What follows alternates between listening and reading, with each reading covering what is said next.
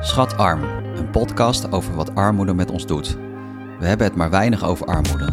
Rijkdom fascineert. We zijn er dol op in films, in ondernemersverhalen, op social media en in zelfhulpboeken. Armoede is vaak onzichtbaar. Toch kunnen zo'n 1,1 miljoen mensen in Nederland niet in hun levensonderhoud voorzien. Dat zijn onze buren, familieleden, stadgenoten, mensen zoals jij en ik. In de podcast Schatarm bespreken we wat armoede met je doet. Wat het betekent als je niet rond kunt komen en hoe je de armoede van anderen kunt verzachten. Ook als je zelf niet schatrijk bent.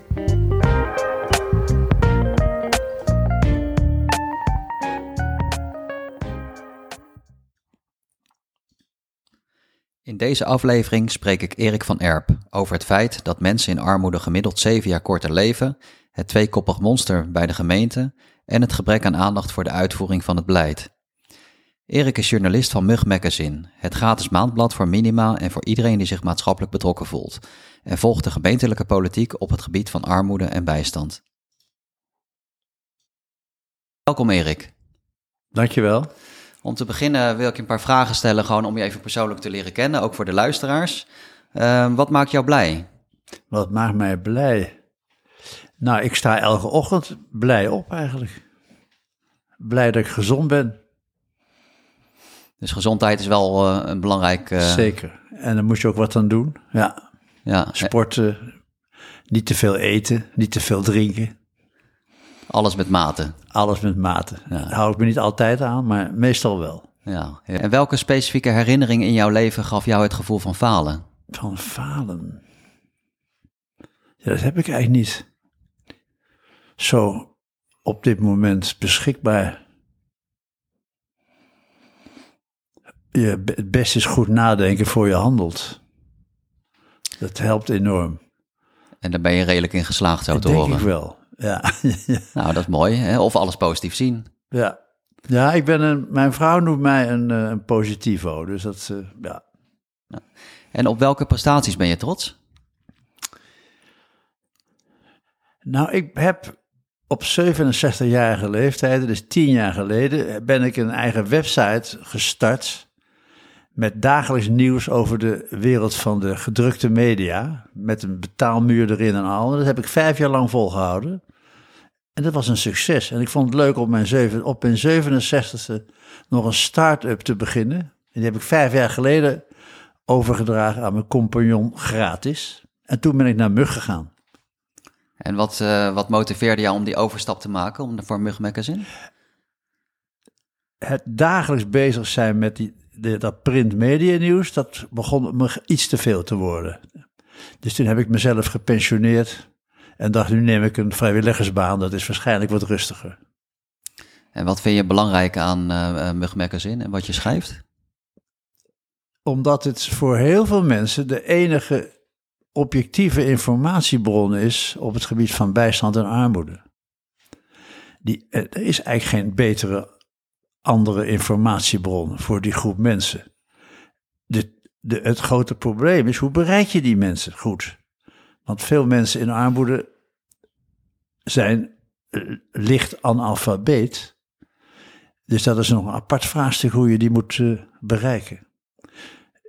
Met de algemene mededelingen die de, de, de, de, de gemeentelijke overheid doet, kom je niet zo ver, denk ik. Want die hebben alleen maar succesverhalen. En hoe doen jullie het als mug? Uh, heb je een idee in hoeverre je die mensen bereikt? Weten we niet goed genoeg. Dat weet ik niet goed genoeg. Uh, ze zijn bijna altijd weg als de nieuwe burger weer komt. Dus dat is een goed teken. En ja. dat zijn er 32.000. Zo hé, en iedere maand is dat? Iedere maand. Mooi, ja. Nou, ik ben zelf ook een trouwe lezer van de Mug Magazine. Wij hebben ze hier ook liggen in de meevaart. Ja. Wat betekent armoede voor jou? Voor mij betekent het dat ik, voor ik toen ik begon aan mijn uh, vrijwilligerswerk bij Mug, dat ik eigenlijk niet zo goed wist wat het was. Ik heb er persoonlijk geen ervaring mee, maar als je erin verdiept, dan kom je toch schokkende dingen tegen. En ook gekke dingen. Uh, om maar te beginnen, dat algemeen gesteld in Amsterdam, als je in armoede leeft, leef je zeven jaar korter dan mensen die niet in armoede leven. En bovendien leven mensen in armoede ook nog een keertje langer in slechte gezondheid. Dus die worden twee keer geraakt op het gebied van enerzijds eerder dood, anderzijds slechte gezondheid. Dat zijn feiten. En dat vond ik wel een schokkende. Dat was een van mijn eerste feiten waardoor ik dacht: Jemie Nikkel, dat is nogal wat. En ik denk dat de, deze feiten heel slecht bekend zijn, niet alleen onder de armen, maar ook onder de rijken. Ik denk dat weinig mensen dit weten. Ik weet ook geen oplossing hoe het moet, ik weet niet hoe het op moet lossen, maar je, je moet beginnen met de feiten. Ja. En heb je een idee of een verklaring waarom mensen dus zeven jaar korter leven of in, in slechte gezondheid leven? Er is een hele reeks van maatregelen bij, maar het heeft korter leven heeft en ook slechte gezondheid heeft te maken met de dingen waar ik mee begon. Uh, dat je toch een beetje zelf op je gezondheid moet letten. Met je eten, met je bewegen enzovoort. Het, het is niet genetisch bepaald, want het arm en rijk zijn die is ontkoppeld van, uh, van de DNA-vraagstukken. En het is ook fijn als je in een fijne woning in Zuid woont, of een tochtige woning in Noord. Dat scheelt ook meteen zeven jaar, zal ik maar zeggen. Ja, dus ze leven waarschijnlijk onder zwaardere omstandigheden die invloed hebben op hun levensduur of gezondheid.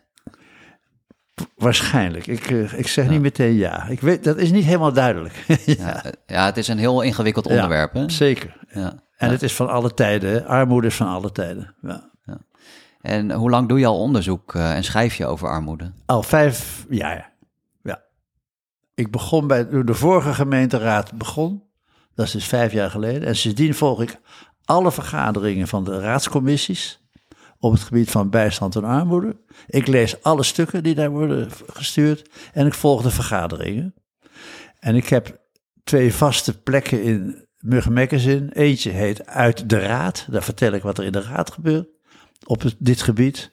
En ik heb één keer in de maand ook een interview met een sociaal advocaat. Die altijd met een, met een casus komt waaruit blijkt dat de overheid mensen slecht behandelt.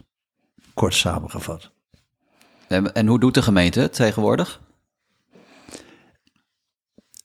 Dat wordt een iets langer antwoord. Heel graag. Tot de coronatijd rapporteerde de sociale dienst over hun eigen dienstverlening aan mensen in de bijstand. Over wat de mensen in de bijstand als oordeel hadden over de dienstverlening van de sociale dienst. En dat oordeel varieerde van een dikke onvoldoende tot een heel klein, tot een zes plusje. Toen corona kwam, zijn ze opgehouden over te rapporteren. Ik heb erover gevraagd waarom ze er nu niet meer mee gestart zijn. Ja, dat wisten ze niet. Ze rapporteren nu niet meer over hoe ze het doen. Dat is één.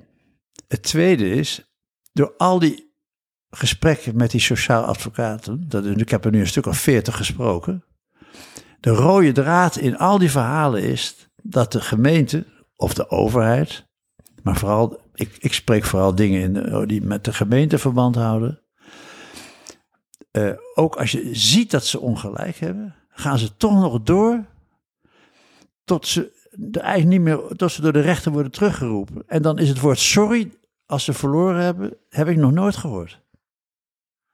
En dat tegen mensen die het toch al moeilijk hebben. Ik zeg niet dat alle ambtenaren zo zijn. Er is een, ik ben goed bevriend met de Bijstandbond en die zeggen, ja, er zijn sommige ambtenaren die komen naar je toe, hoe kan ik u helpen?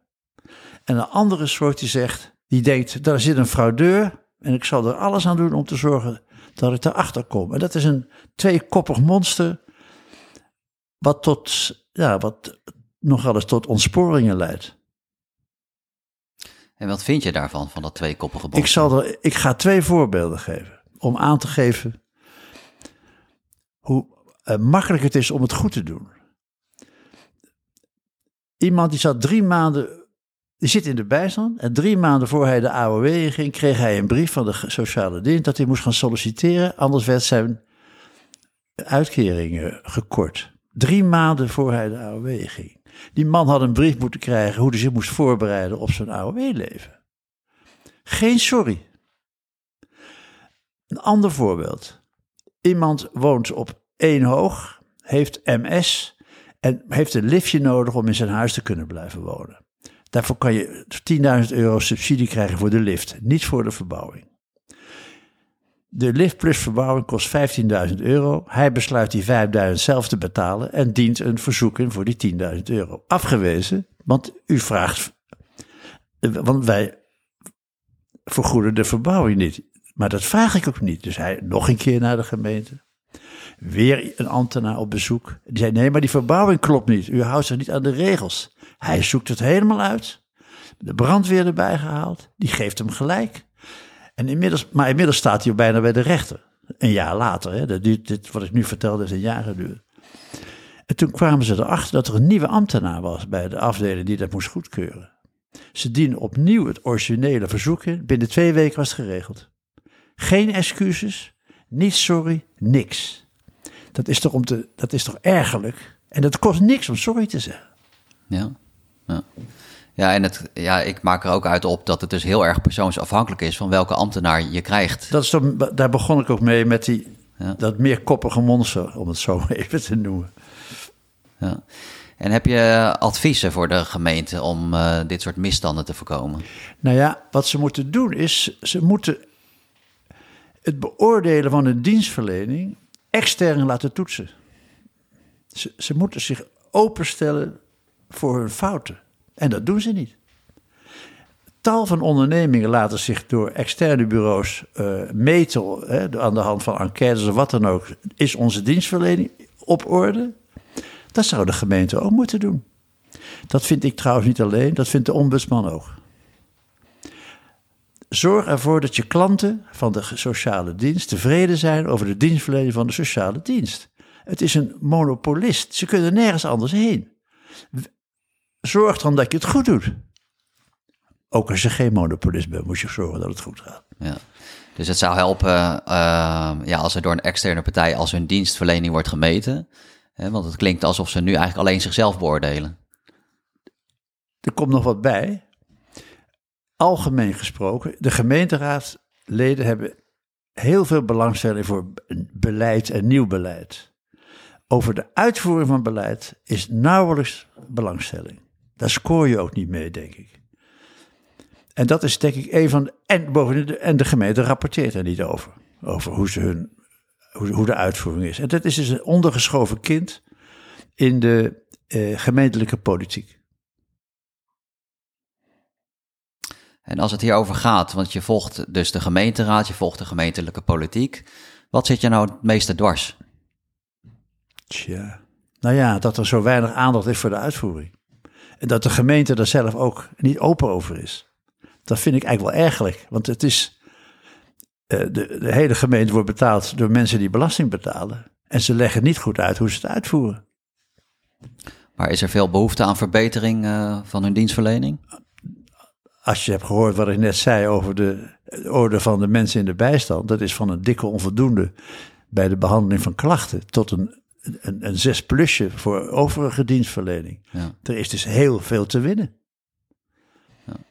Maar dan moet je wel durven laten, dat je, moet je durven dat mensen meekijken over hoe je het doet en daar een oordeel over geven. Ja. En dat gebeurt niet. Nou ja, het lijkt me ook misschien wel een taak van de ombudsman om hier iets aan te doen. Hij heeft, wat ik nu zeg, zegt hij ook. Ja, ja, dus jullie zitten wel op één lijn wat dat betreft. Ja, maar het is politiek geen interessant onderwerp waardoor er niks gebeurt. Als er maar iets gebeurt in Nieuw-West, als een stoplicht het niet doet, dan worden er vragen over gesteld. Of in het centrum, dat maakt niet uit. In de gemeenteraad. Maar over dit soort fundamentele uitvoeringsdingen, daar hoor je de gemeenteraad nooit over. Dus zelfs met de ombudsman krijg je het niet voor elkaar om daar verandering in te brengen? Nee. Ik zou toch zeggen dat de ombudsman juist daarvoor is, voor positieve veranderingen in de dienstverlening. Ja, maar, dat moet, dus, maar dit, gaat, dit is politiek. Je krijgt alleen maar dingen voor elkaar als de politiek er interesse in heeft. Ja. Anders lukt het niet. Ja, ik lees ook wel in verschillende artikelen over armoede dat het allemaal politieke keuzes zijn. Wat vind je daarvan? Ja, dat is voor een zekere hoogte waar. Want armoede is een definitieding. In Amstelveen ben je minder snel arm dan in Amsterdam. In, in Zaandam ben je langer arm. Dat, gemeentes mogen zelf hun grens stellen aan wat zij de armoedegrens noemen. Amsterdam heeft 120, hond- nu sinds kort 130 procent van het wettelijk sociaal minimum. Maar in Amstelveen is een alleenstaande 110 procent. Dat zijn keuzes die door de politiek worden gemaakt. Maar is dat niet vreemd dat iedere gemeente dan zelf een definitie mag geven aan wat armoede is? Zo is het. Dus je zou wel pleiten voor landelijk gewoon eenduidig. Nee, ik vind het juist goed dat het politiek is. Eh, alleen, daar moet je er wel handen en voeten aan geven. En Amsterdam is op het gebied van armoede, behoort wel tot de betere eh, gemeentes. Maar het is zo ingewikkeld gemaakt. Ik weet niet of de luisteraars het weten, maar er zijn 30 verschillende armoederegelingen in de gemeente Amsterdam. En het is niet zo dat je op basis van eenduidig, eenmalig checken van je inkomen van al die 30 gebruik kan maken. Want er zijn vier verschillende inkomensregelingen voor je naar die armoederegelingen kan. En om het nou nog ingewikkelder te maken, mensen in de bijstand die er al wat langer in zitten, die maken massaal gebruik van die armoederegelingen, omdat die een stabiel inkomen hebben, weliswaar laag, maar stabiel. Werkende armen, dat is een even grote groep, maakt er nauwelijks gebruik van. Want je moet met je billen bloot, je moet al je spullen meenemen en een, en een maand later is het weer anders. En als je een motor hebt van minder dan vier jaar oud, dan geldt het als vermogen. Ja, iemand die in de bijstand heeft geen motor, maar als je een werkende arm bent, je moet, dan moet je op je motor wel eens naar je werk. Maar dat heet, heet vermogen, kom je niet in aanmerking. Ja. Dit, dat soort gekke verschillen, dat zit er al jaren in. En, de, en alle politieke partijen roepen dat moet duidelijker en beter. Er gebeurt niks aan. En heb je een idee wat dit armoedebeleid met de mensen do- doen die in armoede leven? Dat hangt er vanaf over wie het gaat. Eh, een grote groep zijn AOW'ers. En die kunnen eigenlijk geen kant op. En die groep, die groep groeit. De, de groep arme AOW'ers groeit. Daar heb ik eigenlijk het meeste mee te doen. Want die, kunnen niet zeggen, alsnog proberen aan het werk te gaan. Dat kan niet. Tenminste, misschien wel als je 67 bent, maar als je 80 bent, kan dat echt niet meer. Of in mijn geval 79. Eh, Dus daar heb ik eigenlijk het meeste mee te doen. Kijk, iemand van 32 die al drie jaar in de bijstand zit, die heeft een stabiel leven. Ik heb een lid van de participatieraad van de sociale dienst een keer een verhaal horen houden over zichzelf. De man van 40 jaar, alleenstaand, lage huur, goede, die kent, kende alle regelingen, die had een prima leven. Ik verwijt hem dat niet, maar dat noem ik, daar heb ik geen medelijden mee. En hij is toch arm. En de tweede eh, categorie naast die eh AOW'ers zijn de werkende armen. Die dus net wel, niet wel in de bijstand, net niet in de bijstand, flexcontractje. Nou, dat is een, die mensen leven in zodanig constante stress. Die komen niet toe aan eens rustig gaan zitten om een armoederegeling aan te vragen. Daar heb ik ook mee te doen. Ja, je moet bijna academisch geschoold zijn om te kunnen begrijpen hoe die regelingen werken. Zeker. En daarom pleit, niet, dan pleiten sommige eh, partijen ervoor om zo een speciaal loket te openen voor werkende armen. En die alle de zorg van die mensen uit handen nemen en ze gaat helpen. Is er nog niet van gekomen. Maar het lijkt me ook als je in armoede leeft en je moet helemaal met de billen bloot en al je vermogen inleveren, dat dat ook een gevoel van schaamte geeft en je hele privacy is weg. Het lijkt bijna dat, je, dat, er, dat er mensenrechten worden geschonden hierin. Ben ik het mee eens? Dus ik kan me goed voorstellen dat eh, dat, dat niet eh, prettig is en dat je eigenlijk alleen maar aan het overleven bent en druk bent met al die loketjes waar je Zeker. naartoe moet. Als je al weet dat ze bestaan. Ja. ja. Ja, verschrikkelijk. Ik heb als uh, ten slotte van dit onderwerp heb ik nog een stelling. Um, en ik ben benieuwd wat je daarvan vindt. Armoede in Nederland staat al twintig jaar min of meer op hetzelfde niveau. Wat vind je daarvan? Die stelling klopt niet. Even los van, de, van dit jaar met die hoge gasprijzen en die inflatie, is de afgelopen tien jaar het percentage mensen in armoede gedaald. Langzaam weliswaar, maar het is gedaald. Ook het aantal kinderen wat in armoede leeft, is nog steeds te hoog, maar is dalende.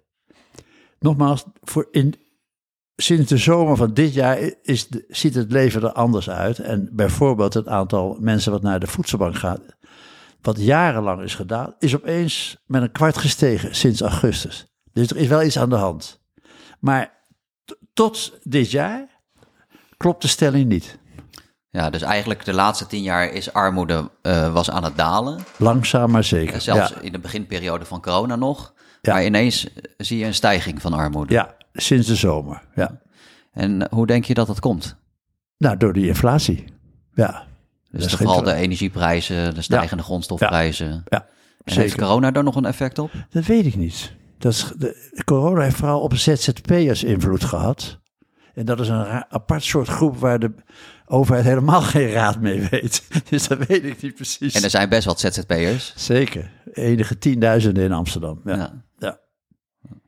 Ja, het is lastig om te zeggen hè, wat uh, corona met, uh, met de samenleving heeft gedaan. Ja,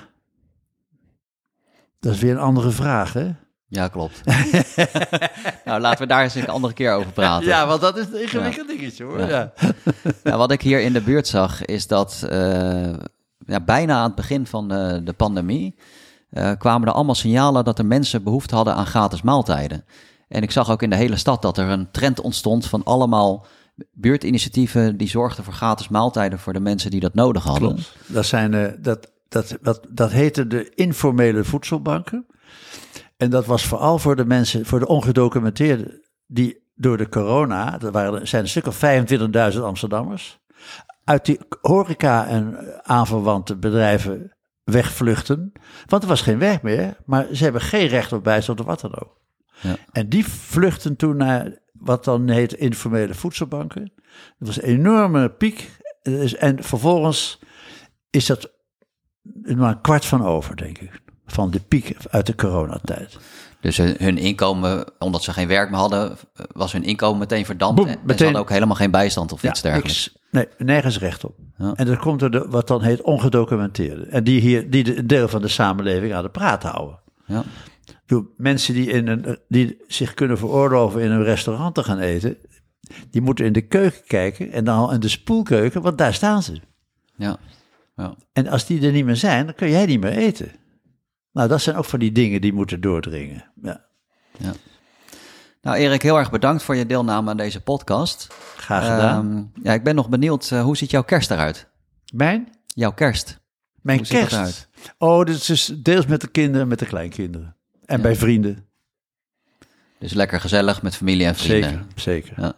En heb je nog mooie plannen voor 2023? Nou, we moeten eerst even wachten tot mijn vrouw aan haar linkerknie is geopereerd, hoe dat afloopt. En zolang we niet de uitslag daarvan weten, maken we even geen plannen. Ja. En als dat Op allemaal... één na, ik ga in, we gaan in mei, juni, dat weten we nog niet precies.